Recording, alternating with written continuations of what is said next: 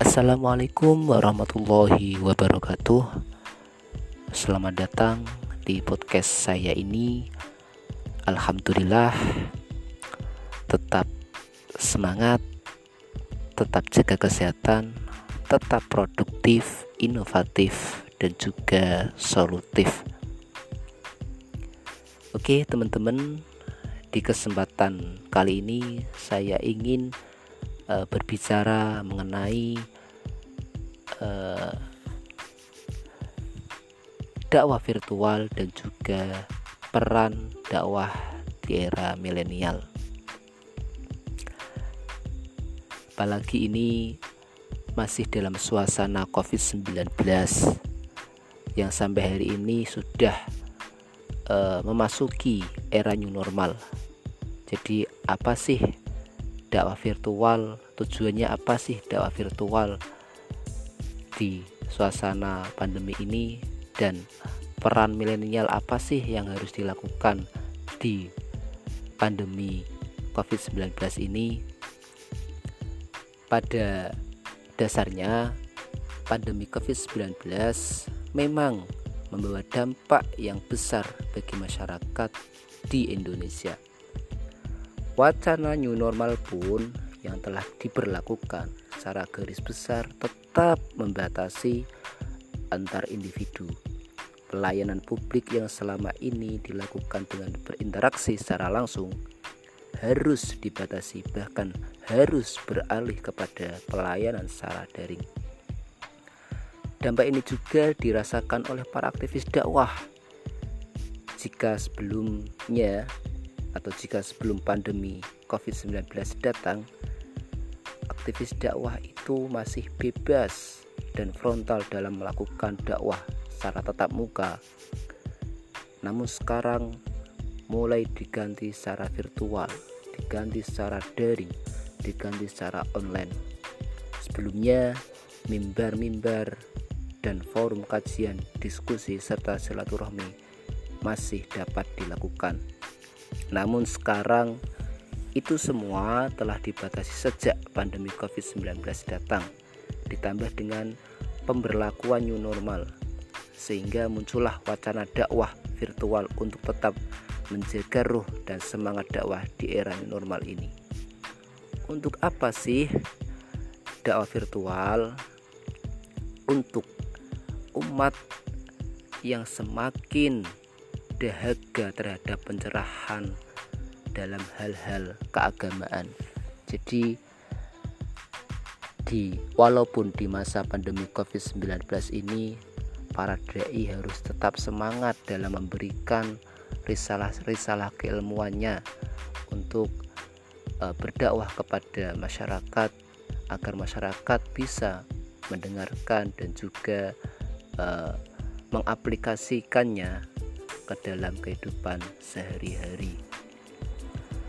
Nah, konten-konten dakwah pun juga mulai dibuat dan disebarluaskan secara daring. Kreativitas-kreativitas baru dimunculkan untuk tetap menjaga semangat dakwah. Tak hanya berbentuk teks, namun audio visual pun ramai dimunculkan, mulai dari situs web, Instagram, Facebook, Twitter, hingga YouTube.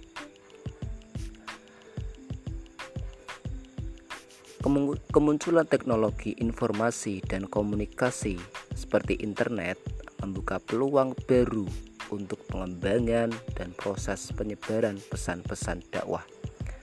Media sosial sekarang ini dipandang sebagai ruang virtual yang mampu menyebarkan pesan dakwah secara efektif, mudah diakses, cakupan wilayah yang luas, dan waktu yang tidak terbatas. Hal ini memang memunculkan wacana dakwah virtual, yakni sebuah aktivitas amar ma'ruf nahi mungkar dengan menggunakan media internet. Jadi pada hakikatnya dakwah itu amar ma'ruf nahi mungkar, mengajak kebaikan dan e, meninggalkan kemungkaran lewat internet karena kita melihat situasi di hari ini. Semuanya serba online semuanya serba daring semuanya serba uh, tidak bisa untuk tatap muka. Jadi tidak ada alasan para dai tetap semangat memberikan dakwah kepada masyarakat agar masyarakat bisa terfasilitasi bisa uh, tetap semangat dalam hal-hal keagamaannya. Penggunaan media internet sebagai media baru dalam dakwah Islam membuka peluang untuk menyebarluaskan pesan-pesan dakwah secara masif dan signifikan. Jadi, di sinilah panggung dakwah para milenial untuk menunjukkan perannya dan tetap eksis berdakwah tanpa takut ketinggalan zaman.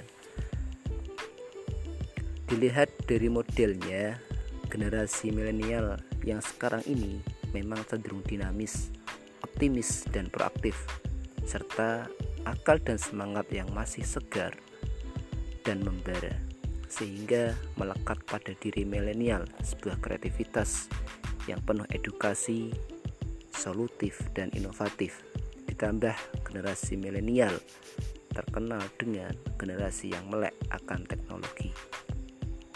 Di sinilah kita dapat melihat peluang dari berbagai tantangan di era new normal ini. Peran para milenial sangat dibutuhkan untuk tetap mengeksiskan dakwah di media, menggunakan kreativitas milenial dalam membuat berbagai konten dakwah dan membantu memfasilitasi para dai senior dalam menyampaikan risalah Islam ini.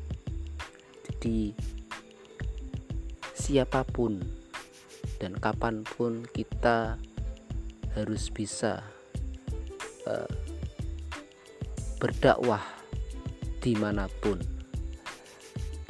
Seperti kita itu berdakwah melihat situasi dan kondisi yang terjadi. Contoh di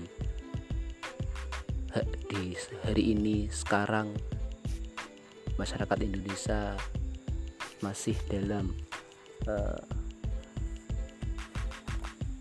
suasana COVID-19 nah jadi dakwahnya itu secara online secara daring secara virtual menyesuaikan yang ada dan yang terjadi. Untuk apa? Agar masyarakat itu uh, juga bisa nyaman juga bisa merasa terbawa akan dakwah kita sehingga dakwah kita bisa diaplikasikan oleh masyarakat dan juga bermanfaat untuk orang lain. Jadi tetap semangat siapa pun bisa berdakwah, siapa pun bisa mengajak orang untuk mengajak kebaikan dan meninggalkan kemungkaran. Mungkin cukup itu, semoga bermanfaat. Bila ada kesalahan itu dari saya sendiri dan juga mungkin bila ada kebenaran itu dari Allah Subhanahu wa taala dan bisa di uh, aplikasikan dalam kehidupan sehari-hari. Cukup sekian, kurang lebihnya mohon maaf. Wassalamualaikum warahmatullahi wabarakatuh.